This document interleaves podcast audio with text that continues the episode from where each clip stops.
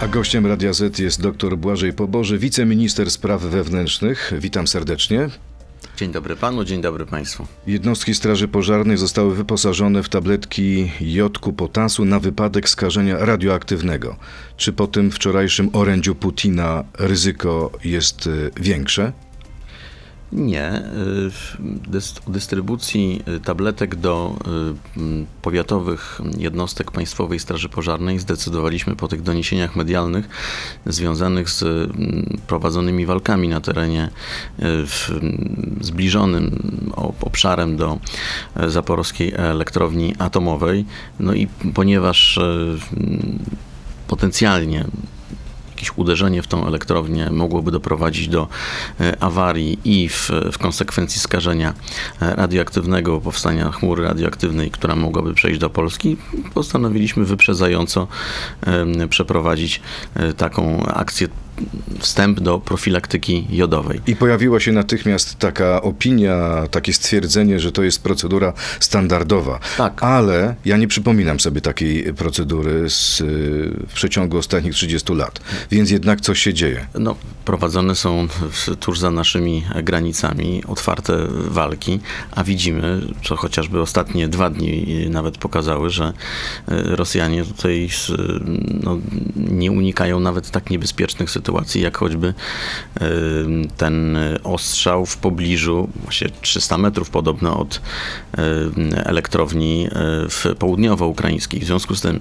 oczywiście jest to procedura jako procedura standardowa. My uspokajamy, ja też chciałbym za państwa stacji pośrednictwem uspokoić wszystkich obywateli, uspokoić mieszkańców, że to są działania rutynowe, wyprzedzające, które mają e, zabezpieczyć nas na wypadek sytuacji, do której jestem przekonany, mam taką nadzieję, nie dojdzie. Ale wyobraźmy sobie, że dzieje się to najgorsze i że leci w stronę Polski ze wschodu ta chmura radioaktywna. Jaka jest procedura rozdysponowania wtedy tych tabletek?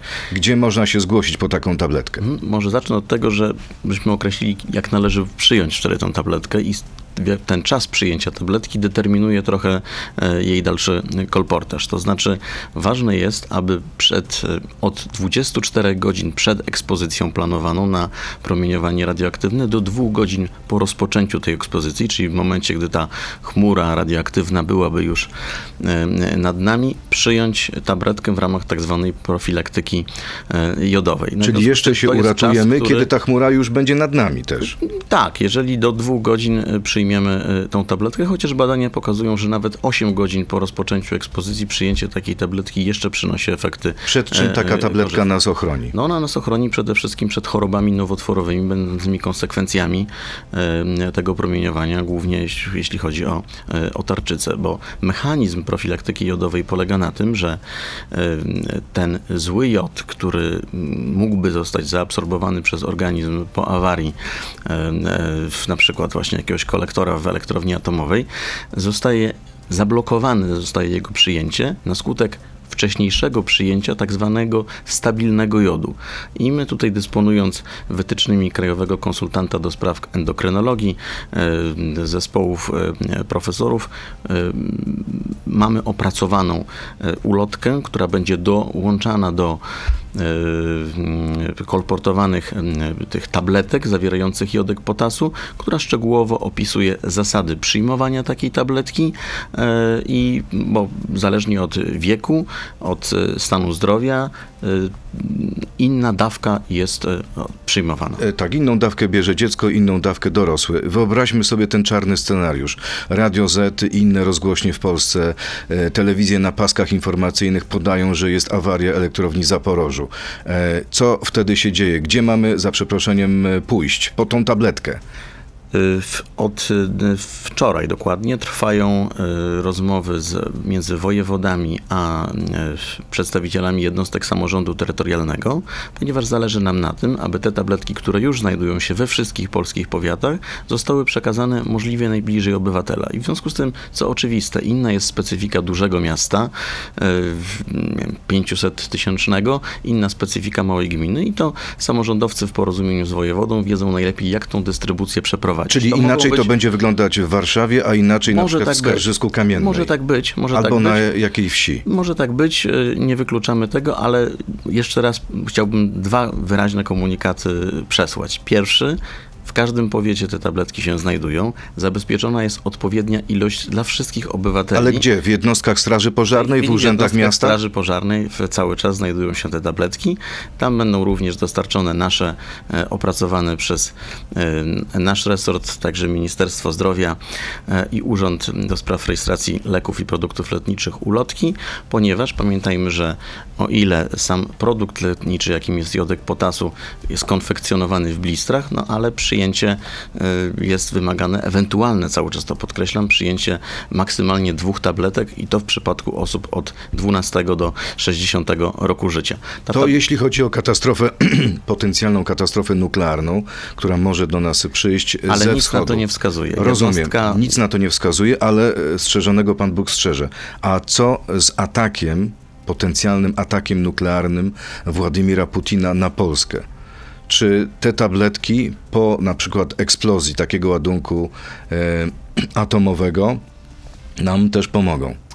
Panie doktorze, ja rozumiem, że działania podejmowane przez e, Federację Rosyjską no, dawno już straciły jakiś racjonalny e, charakter, ale no, jednak nic też na to nie wskazuje, mówią o tym wszyscy eksperci, e, żeby miał nastąpić atak z użyciem ładunku Ale już poważnie mówi się, NATO. no tak, ale poważnie mówi się o, o ewentualnym użyciu ładunku nuklearnego wobec Ukrainy.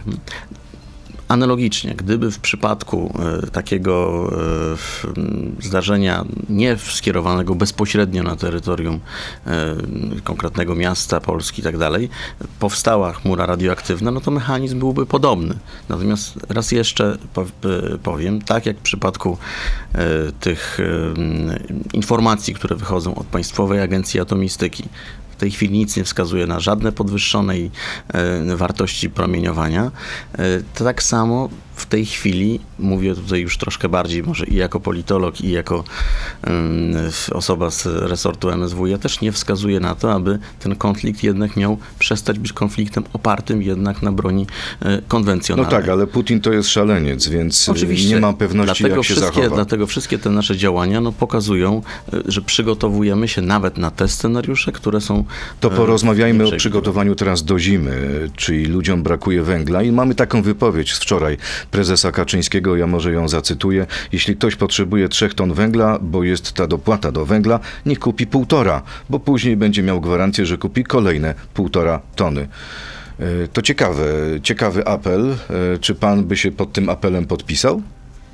Znaczy, nie widzę mm, żadnego problemu w, w, w takim sformułowaniu. Tak jak dokonujemy różnych zakupów, nie jest e, niezbędne kupowanie czegoś na szczególny zapas, więc wydaje mi się, że. Ale człowiek, że- który wie, że jest problem z węglem i ma świadomość, że ten problem się nie skończy, to pana zdaniem posłucha prezesa Kaczyńskiego, Czy przede wszystkim. czy e, jednak się zabezpieczy? Nie, nie. E, Przede wszystkim myślę, że warto zwrócić uwagę nie na jedno zdanie czy jedno słowo, tylko na to, co polski rząd, w tym także e, prezes Jarosław Kaczyński jako lider obozu rządowego, premier Morawiecki i e, cały rząd Prawa i Sprawiedliwości w ramach właśnie tych różnych tarcz osłonowych i rozwiązań zabezpieczających to bezpieczeństwo energetyczne e, Polaków przygotował. Jeżeli mamy dopłaty węg- do węgla, a jeżeli mamy dopłaty do innych źródeł ogrzewania, bo przecież od wczoraj można składać wnioski, które po 30 dniach będą Ja to wypłacane. rozumiem, ale wie pan, co To ludzie mogą sobie się- pomyśleć? Czy niedługo będzie apel ze strony władz, że e, jedźcie na stację benzynową i nie tankujcie pełnego baku, tylko połowę? Nie, panie redaktorze, wszystko możemy spróbować pro- sprowadzić do mm, ad absurdum, ale y, warto też pamiętać, że pewna gra rynkowa, która jest prowadzona, y, powoduje, że jeżeli następuje jakiś szczególny popyt na dany towar, to to powoduje wzrost ceny tego towaru. Czyli cierpliwość Polaków uratuje notowania rządu i Prawa i Sprawiedliwości. Notowania rządu Prawa i Sprawiedliwości nie są uzależnione od y, jednej konkretnej sytuacji, ale od prowadzonej konsekwentnie, z wielką determinacją od siedmiu lat prosocjalnej, prospołecznej polityki. Ale ludzie która- myślą kategoriami tu i teraz, myślą tym, czy ja, będę, czy ja będę miał czym e, zapalić w piecu. I Donald Tusk mówi tak, że premier Morawiecki zamiast y, zajmować się drożyzną, energią i wojną, zajmuje się produkowaniem filmików i wyzłośliwianiem pod adresem opozycji. To jest niegodne premiera. Ponieważ był kiedyś moim doradcą, ja się za niego dzisiaj wstydzę, mówi Donald Tusk. Donald Tusk to powinien się wstydzić za siebie, bo to jak zredukował on swoją osobę, czyli byłego szefa rządu, byłego e, przewodniczącego Rady Europejskiej do roli internetowego trola, którym jest, bo świadczą o tym wpisy, które wychodzą z jego konta, to jest powód do wstydu. Przecież co oczywiste, to nie e, premier Morawiecki tworzy te filmiki. Te filmiki są po prostu e, kompilacją materiałów archiwalnych dostępnych z licznych wypowiedzi Donalda Tuska, który teraz próbuje się przefarbować na polityka sceptycznego wobec Putina, a w istocie jest najbardziej prorosyjskim politykiem od wielu lat w polskiej e, A polityce. czy rząd, y, czy władza ma powód do wstydu, jeśli chodzi o liczbę schronów w Polsce? O tym porozmawiamy w części radiowej, interne, w części internetowej. To koniec części radiowej. Zapraszam Państwa na Radio ZPL, Facebooka i YouTube'a. Tam e, kolejna, kolejna część rozmowy z Błażejem Poboszym. To jest gość Radia Z. No właśnie, mamy sytuację, panie ministrze, taką, że e, dochodzi do ataku. Może to być atak konwencjonalny, zwykłym ładunkiem, może to być atak atomowy. Mamy informację, że leci pocisk. Mamy tę informację przekazaną milionom Polaków.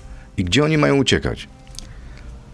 Stosowne komunikaty pojawiałyby się w, na wypadek y, zaistnienia tej sytuacji, o której mówi y, pan redaktor. Oczywiście jest to pewnie wstęp do pytania o y, liczbę dostępnych schronów, y, co oczywiste.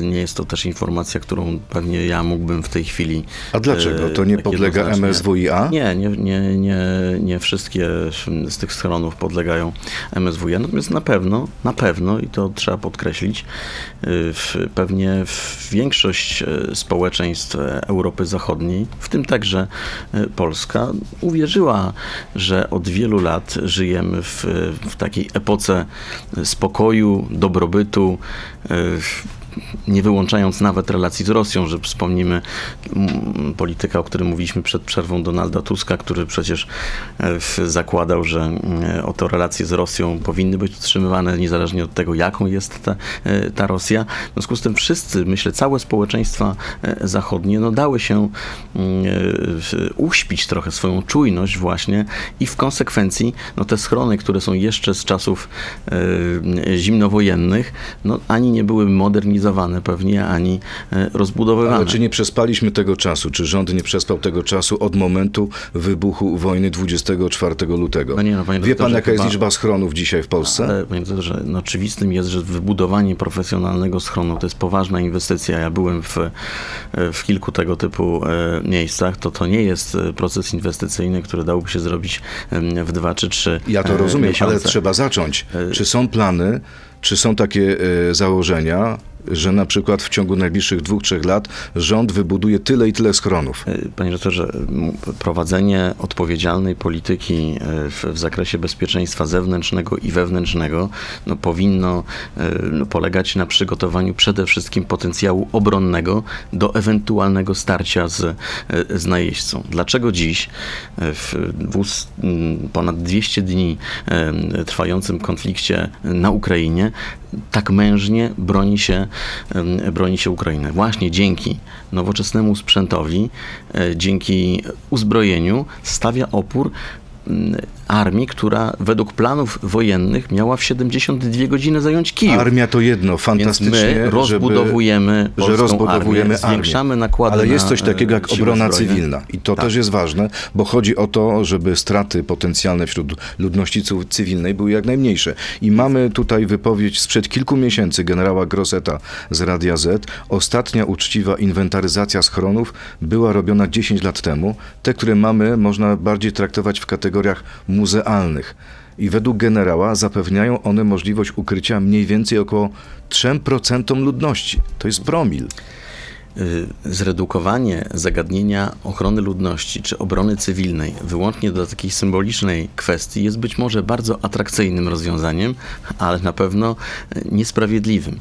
Kwestia ochrony ludności, zarządzania kryzysowego to są sprawy, w których rząd Prawa i Sprawiedliwości wykonał gigantyczną pracę i przygotował rozwiązania, które albo już obowiązują, albo za chwilę będą obowiązywały, które w istotny sposób zwiększają bezpieczeństwo Kto, Polaków. kto Nigdy będzie budował historii- schrony? Czy rząd, czy samorządy? Nigdy w historii polskiego państwa, chcę to wyraźnie powiedzieć, zaufanie do e, instytucji zapewniających bezpieczeństwo i bez, poczucie bezpieczeństwa Polaków nie było tak wysokie jak dziś. Ale przyzna pan, wysokie że zarówno- mamy sytuację nieidealną. Mamy bardzo trudną sytuację, jeżeli rzeczywiście tak jest. Gdzie mamy się schronić, kiedy będzie atak? Panie doktorze, raz jeszcze nic nie wskazuje na to, żeby miało dojść do ataku z użyciem ładunku e, nuklearnego, który wymagałby e, schowania się e, w schronie. Ale nawet może być atak konwencjonalny. Zgoda, Też trzeba się ale schronić. pamiętajmy, że atak na państwa sojusznicze NATO uruchamia całą instytucję sojuszu. Casus Federis Paktu Północnoatlantyckiego, czyli zasada uruchomienia tego systemu sojuszy polega na tym, że atak na którekolwiek z państw członkowskich oznacza automatyczne uruchomienie całego potencjału militarnego Paktu Północnoatlantyckiego. To jest największa gwarancja e, polskiego bezpieczeństwa, a nigdy relacji Pol, relacje Polski z, ze Stanami Zjednoczonymi jako no, najważniejszym z filarów Paktu Północnoatlantyckiego nie były tak dobre jak dziś. Jedźmy Tego dalej. przykładem mieliśmy choćby w ostatnim tygodniu. Pytanie od naszych słuchaczy. Wojciech, wiosną słyszeliśmy z ust rządzących, że import węgla z Rosji do Polski to jest znikomy promil naszego zużycia. Skąd zatem taki duży problem, aby uzupełnić ten brakujący wskutek embarga promil naszego zapotrzebowania? Po pierwsze nie pamiętam, czy y, wydaje mi się, że mówienie o promilu dotyczyło tego, co e, państwo sprowadza, natomiast e, węgiel do Polski był sprowadzany przez prywatnych przedsiębiorców również i stąd może być pewien niedobór na rynku. Po drugie, no, jednak mówienie o sytuacji z dziś i porównywanie jej do sytuacji sprzed wy- wybuchu tego konfliktu, no też jest jakimś tam lekkim zafałszowaniem, bo no, w tej Ale chwili nie kryzys... ma tyle węgla, ile potrzeba, Też nie, nie jestem przekonany, nie podpisałbym się pod, zresztą na, na, nawet na parę miesięcy temu na Państwa antenie też mówiłem o tym, że e, nic nie wskazuje na to, aby miało zabraknąć węgla lub innego e, źródła energii na ogrzewanie mieszkań No ale Polaków. tak, ale wie pan, że są kolejki. Znaczy ja mam są takie kolejki poczucie, że to jest, kopalniami. e, to jest Jest problem z zaopatrzeniem się w węgiel. to, że to prawda, ale to jest też tak, że y, widzieliśmy kilka tygodni temu, że był problem z kupieniem cukru w Warszawie. Dlaczego? Bo właśnie powstają rozmaite, e, często fake newsowe informacje, które są powielane przez, albo często wytwarzane przez naszą opozycję i one służą wywoływaniu różnej paniki. Ja nawet w odniesieniu do kwestii, o których mówiliśmy przed przerwą, już słyszałem, że skoro rząd rozdaje jakieś tabletki, no to zapewne już jest jakieś skażenie, a nie jest to prawda. E, Tak samo z, wieloma innymi aspektami, że już przypomnę, no, wypowiedź, która, co jest niesamowite, w polskiej polityce mnie bardzo to przeszkadza, że można powiedzieć czasem wszystko i nie nosi to żadnych konsekwencji. Usłyszeliśmy z ust polityków Platformy Obywatelskiej, że woda w Odrze była skażona rtęcią. Minęły dwa tygodnie, okazało się, że jest to nieprawdziwa informacja, a ci ludzie są obecni nadal w życiu publicznym. To są rzeczy. A my wciąż nie- czekamy na raport w tej sprawie. Jeszcze nie ma raportu Do rządowego. końca września Ministerstwo Właśnie, Klimatu więc jest wtedy będziemy do rozmawiać na ten temat. tego raportu. Jeśli zwykły emeryt, to jest kolejne pytanie naszego słuchacza Jacka Wielgosza, chce dorobić ponad 8 tysięcy złotych, to straci emeryturę. Jarosław Kaczyński i też oczywiście emeryci z opozycji nie stracą. Dlaczego politycy uważają siebie za lepszych od reszty społeczeństwa? Nie zna pan powiedzenia, że jeśli chce się wymagać od innych, to najpierw należy samemu spojrzeć w lustro? Jacek Wielgosz. Przepisy dotyczące kwestii emerytalnych są takie same dla dla wszystkich. No, aktywność związana z piastowaniem mandatu e, poselskiego, bo pewnie o to chodzi słuchaczowi, jest czymś, e, jest formą pewnej aktywności dodatkowej. To tak jak na przykład przy prowadzeniu czy kontynuowaniu działalności akademickiej, też jedną z tych form, które można łączyć, jest choćby piastowanie mandatu w organach przedstawicielskich. Więc myślę, że wybór do organu przedstawicielskiego no nie może być jednak porównywany z, z, z pracą na etacie czy pracą zarobkową. Y, Co z Rosjanami, którzy chcą dostać się w obawie przed y, łapanką, tak bo chyba można nazwać do wojska, dostać do Polski? Czy Polska przyjmie tych Rosjan, którzy uciekają przed armią Putina? E, Nie, zaostrzyliśmy e, przepisy na podstawie rozporządzenia ministra spraw wewnętrznych i administracji w konsultacji, chcę to podkreślić wyraźnie, z naszymi e, bałtyckimi sąsiadami, z rządami e, e, Litwy, Łotwy i Estonii. Przyjęto wspólne rozwiązanie e, w sposób istotny, ograniczającą możliwość przyjazdu Rosjan do Czyli kogo Polski. wpuszczamy, Oczywiście kogo nie Pan wpuszczamy? redaktor postawił takie pytanie w dość przewrotny sposób, że oto mielibyśmy nie wpuszczać tych, którzy uciekają przed, przed branką w istocie do armii, tylko że ja bym odwrócił pytanie. Oni nie protestują dziś, bo widzimy kilka protestów w Rosji przeciwko tej wojnie. Oni protestują przeciwko temu, że im grozi e, wysłanie na front. My, e, jeżeli czytamy e, wskaźniki badania opinii społecznej, badania socjologiczne z Rosji, które pokazują poparcie dla czegoś, co tam jest nazywane misją stabilizacyjną, a nie brutalną agresją na e, inne państwo, jest na poziomie 80%, to przestańmy wreszcie mówić, że to jest wojna e, Putina. Bo to nie jest wojna Putina, bo te gwałty e, na ludności cywilnej, morderstwa, zbrodnie wojenne są dokonywane przez konkretnych ludzi, a poparcie dla tych działań jest No uwidocznione dobrze, w a jeżeli ktoś działa w opozycji i ucieka przed represjami, czy jest w stanie przejść to sito na granicy? po pierwsze pamiętajmy, że wykluczono te wszystkie w- możliwości przekraczania granicy, które wiązałyby się z jakąś działalnością kulturalną, gospodarczą, ekonomiczną, sportową. To oczywiste, że państwo napastnicze i obywatele państwa napastniczego nie mogą korzystać z żadnych przywilejów albo nie powinni korzystać z jakichś przywilejów, że oto tam bogacą się na, na wojnie, a konsumują owoce tego bogactwa gdzieś e, w, w krajach Europy Zachodniej. To byłby absurd. Stąd tak twarda, zdeterminowana i konsekwentna polityka przede wszystkim Polski, ale i innych państw Unii Europejskiej, zakładająca rozszerzanie sankcji. Minister Mariusz Kamiński w ubiegłym tygodniu na Twitterze napisał, tylko mocne sankcje, w, wsparte oczywiście innymi działaniami, z, są w stanie zatrzymać, A e, Finlandia zatrzymać wpuszcza. Putina. Ale już w tej chwili, e, to jest informacja z, bodaj z wczoraj, ma przyjąć analogiczne przepisy do nas, a być może nawet, bo i taką e, e, analizę czytałem, całkowicie zamknąć granice dla, dla obywateli Rosji. Co panu- Jeśli co- chodzi o, bo jeszcze mm, jestem chyba winien jedną odpowiedź, pamiętajmy już pomijając wszystko e, o możliwości wjazdu do Polski, zawsze może w skrajnym przypadku zdecydować komendant Straży Granicznej. W związku z tym e, od każdej zasady zawsze znajdziemy wyjątek w sprawach szczególnych. Na pewno gdyby mm, chodziło, nie wiem, o transport jakiegoś chorego, jest to zupełnie inna sytuacja niż kogoś, kto chciałby sobie w Taki człowiek kraju Europy Zachodniej obejrzeć mecz Pan na mówił- stadionie w Barcelonie No przykład. tak, y, Lewandowskiego. A pan mówił o protestach. Tych protestów wydaje się wczoraj przynajmniej było bardzo dużo. Ponad 1300 osób zostało zatrzymanych w kilkudziesięciu miastach Rosji. Nie czuje pan że takiego powiewu buntu wewnętrznego? Chyba za wcześnie o tym mówić. Niestety tu widać, że i te badania opinii społecznej pokazujące poparcie dla, e, dla tej wojny, dla tej misji, jak jest określana w, w propagandzie, no jednak siła tego państwa, jeśli chodzi o e, instytucje zapewniające bezpieczeństwo wewnętrzne, a w istocie tam będące elementem represji są zbyt duże. Nie wydaje mi się, żeby to był początek jakiejś, e, jakiejś większej zmiany. Oczywiście mówię z, ze smutkiem, niestety. Czy powinniśmy spodziewać się napływu kolejnych uchodźców z Ukrainy?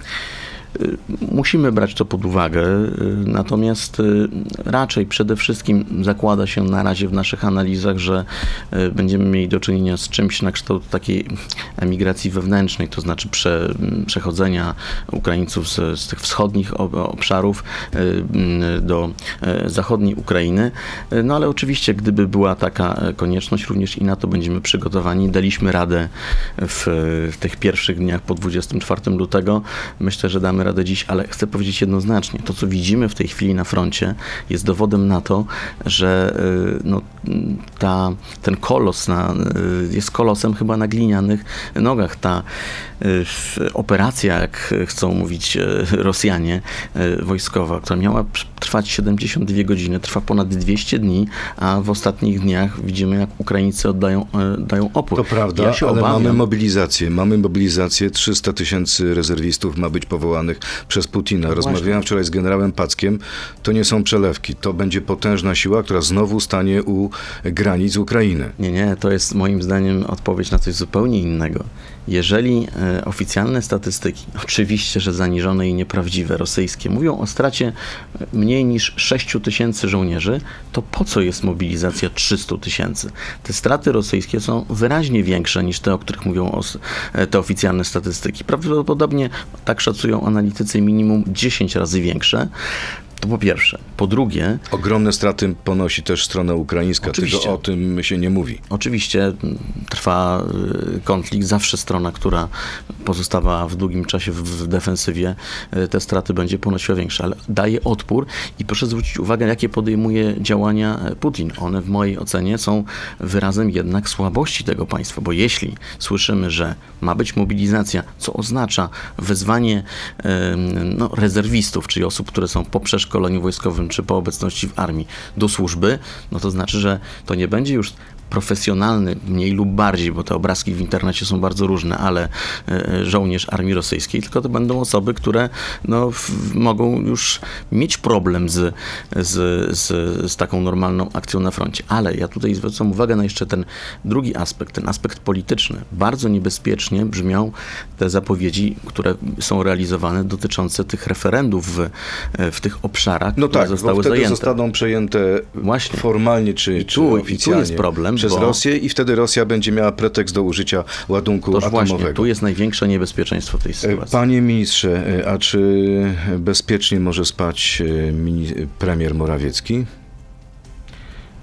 Zdecydowanie. Tak? Jest pan pewien? Bezpieczeństwo osób sprawujących najwyższe funkcje państwowe jest domeną służb podległych MSWiA i Służby Ochrony Państwa. Bardziej mi chodzi tutaj o bezpieczeństwo- Instytucje dbają o bezpieczeństwo najważniejszych czy, czy będzie państwa. nadal na tym stanowisku? Gazeta Wyborcza napisała, że na posiedzeniu kierownictwa PiSu 9 września omawiano e, podniesiony przez Jacka Sasina pomysł zmiany premiera.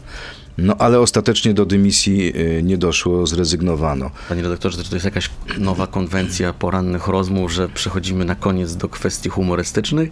Jeżeli Gazeta Wyborcza, Gazeta Wyborcza podaje y, źródła spis, to ja od razu taką informację odrzucam, bo nikt w Prawie i Sprawiedliwości nie rozmawiałby w życiu z Gazetą Wyborczą. dziećmi. Ja dobrze wiem o politykach PiSu, którzy rozmawiają z, z nieprzychylnymi sobie mediami, żeby tak naprawdę skrytykować swoich kolegów. Mhm. Pan nie zna tego mechanizmu politycznego? Y, Panie redaktorze, znam, a jest, jest on kompletnie nieskuteczny, bo pozycja premiera Morawieckiego y, jest y, mocna. A pan jest w jakiej frakcji? Pro-morawieckiej czy antymorawieckiej? Ja jestem we frakcji propaństwowej jako i minister Mariusz Kamiński y, i naprawdę my mamy w tej chwili dużo ważniejsze wyzwania w Polsce, zarówno w kwestii bezpieczeństwa państwa, zarówno wewnętrznego, jak i zewnętrznego, w kwestiach gospodarczych, y, niż zajmowanie się jakimiś roszadami w rządzie. To jest właśnie ta różnica między okresem rządów Platformy Obywatelskiej, gdzie receptą na wszelkie y, kryzysy było zawsze wymienianie zderzaków, jakieś roszady polityczne. I tym, dziennikarze my sobie to wszystko przez wymyślają. nie ma żadnych kłótni, nie ma żadnych podziałów, żadnego rozłamu, żadnej wojny w dopóki- rządzie. dopóki- Panie ministrze, nie bądźmy naiwni. Dobrze wiemy, że jest y, poważny podział w rządzie. Czy to, że w dużych e, strukturach politycznych, w dużych formacjach politycznych, jakim jest A. obóz Zjednoczonej Prawicy, B, samo Prawo i Sprawiedliwość, to oczywiste, że są różne środowiska polityczne. Ale jeżeli te środowiska mają jeden wspólny cel, jakim jest konsekwencja w reformowaniu polskiego państwa, dbanie o bezpieczeństwo e, obywateli, także o bezpieczeństwo socjalne, to w mojej ocenie e, nie ma co się przejmować tymi dyskusjami. To jest naturalne. W każdej grupie społecznej, w każdej strukturze zawodowej, w każdej korporacji są konflikty. Naturalne Ale jeżeli jest, potrafimy przejść do sobą. tego, żeby przede wszystkim widzieć pytanie. niebezpieczeństwo po drugiej stronie tego, który chce wywrócić tą To jest e, pytanie, czy sytuację, potrafimy. Wróćmy, Potrafimy. ostatnia sprawa, wróćmy do tego, od czego zaczęliśmy. Czy będzie kampania informacyjna taka poważna w całej Polsce, jeśli chodzi o dystrybucję tabletek? Y, Jeśli będzie taka y, potrzeba, tak. My mamy przygotowaną y, już wstępnie taką broszurę informacyjną, która będzie rozdawana w, razem z ulotką, która, razem z tabletką, która będzie y, kolportowana. Ale raz jeszcze powiem, chciałbym naprawdę uspokoić y, naszych słuchaczy. Nic w tej chwili na to nie wskazuje, abyśmy musieli tej y, tabletki użyć i obyśmy nie musieli jej użyć. Zgadzam się z panem, obyśmy nie musieli używać tych tabletek. Bardzo dziękuję za rozmowę. Ja bardzo Błażej dziękuję. Poboże, wiceminister spraw wewnętrznych i administracji, był gościem Radia Z. To był gość Radia Z. Słuchaj codziennie w Radio Z i na player radioz.pl.